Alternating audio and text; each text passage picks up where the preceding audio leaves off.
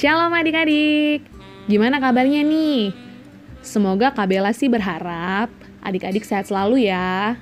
Dan kakak juga berharap semoga adik-adik tetap semangat untuk dengerin renungan harian audio cerdas berpikir. Nah, adik-adik, kita masih ngebahas soal keadaan manusia menjelang akhir zaman yang terambil dari 2 Timotius 3 ayat 1 sampai yang kelima yang bunyinya seperti ini. Ketahuilah bahwa pada hari-hari terakhir akan datang masa yang sukar. Manusia akan mencintai dirinya sendiri dan menjadi hamba uang. Mereka akan membual dan menyombongkan diri. Mereka akan menjadi pemfitnah. Mereka akan berontak terhadap orang tua dan tidak tahu berterima kasih. Tidak mempedulikan agama, tidak tahu mengasihi, tidak mau berdamai, suka menjelekkan orang, tidak dapat mengekang diri, garang, tidak suka yang baik, suka mengkhianat, tidak berpikir panjang, berlagak tahu, lebih menuruti hawa nafsu daripada menuruti Allah. Secara lahiriah, mereka menjalankan ibadah mereka, tetapi pada hakikatnya mereka memungkiri kekuatannya. Jauhilah mereka itu. Maksud Paulus di ayat tersebut ya supaya kita nggak terpengaruh dengan karakter-karakter tadi. Kemarin kita udah dengar pembahasan tentang menjadi hamba uang. Hari ini kakak akan ngebahas soal membual dan menyombongkan diri. Dan judul renungan hari ini adalah Ayo kita sadar. Nah, adik-adik, sederhananya kata membual dan frasa menyombongkan diri itu sama aja kalau membual itu kita bisa artikan sebagai sombong dalam perkataan. Kalau menyombongkan diri itu lebih ke arah sombong dalam sikap dan perbuatan. Jadi gampangnya membual dan menyombongkan diri kita sebut aja sebagai sombong. Oh iya, sombong bahkan bisa berarti menghargai diri secara berlebihan sehingga berpikir dan merasa bahwa dirinya jauh lebih penting dari orang lain. Sampai sini adik-adik paham kan?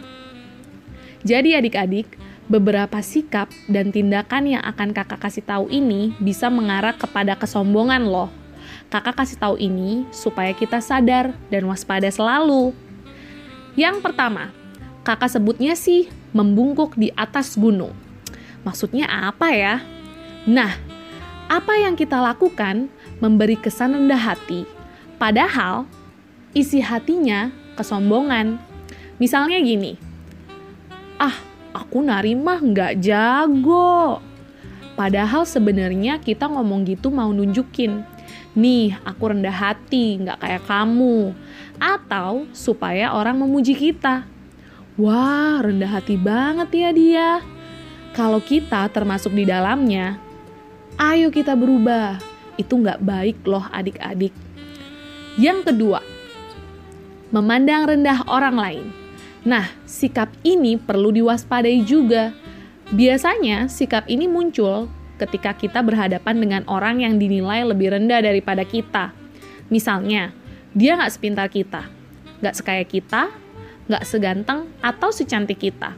Lagian nih ya, yang lebih pintar dari kita, lebih kaya dari kita, lebih ganteng, atau cantik dari kita, kan banyak dan jangan sampai di masa depan kita merasa malu dan menyesal telah memandang rendah seseorang karena dia lebih berhasil daripada kita di bidang tertentu.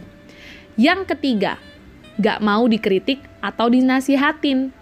Orang yang sombong gak mau dikritik atau dinasihatin, apalagi yang negur adalah orang yang dinilai lebih rendah dari yang ditegur. Padahal ya, teguran atau nasihat yang membangun bisa datang dari siapa aja loh dan siapa tahu kan teguran atau kritikan itu adalah cara Tuhan untuk membuat kita lebih baik. Adik-adik, Amsal 18 ayat 12 bilang seperti ini. Tinggi hati mendahului kehancuran, tetapi kerendahan hati mendahului kehormatan. Nah, kalau kita sombong dengan gak mau dinasihatin, ya tinggal nunggu kejatuhan kita aja.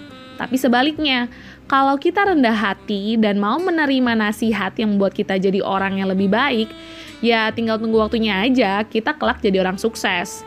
Jadi, ayo kita sadar supaya nggak sombong. Well, it's time to pray. Mari kita berdoa. Tuhan Yesus yang Maha Baik, kami bersyukur saat ini kami disadarkan melalui renungan hari ini untuk menjadi orang yang rendah hati dan tidak sombong. Tuhan, mohon bimbing kami agar kami bisa melatih diri menjadi rendah hati dan tidak sombong.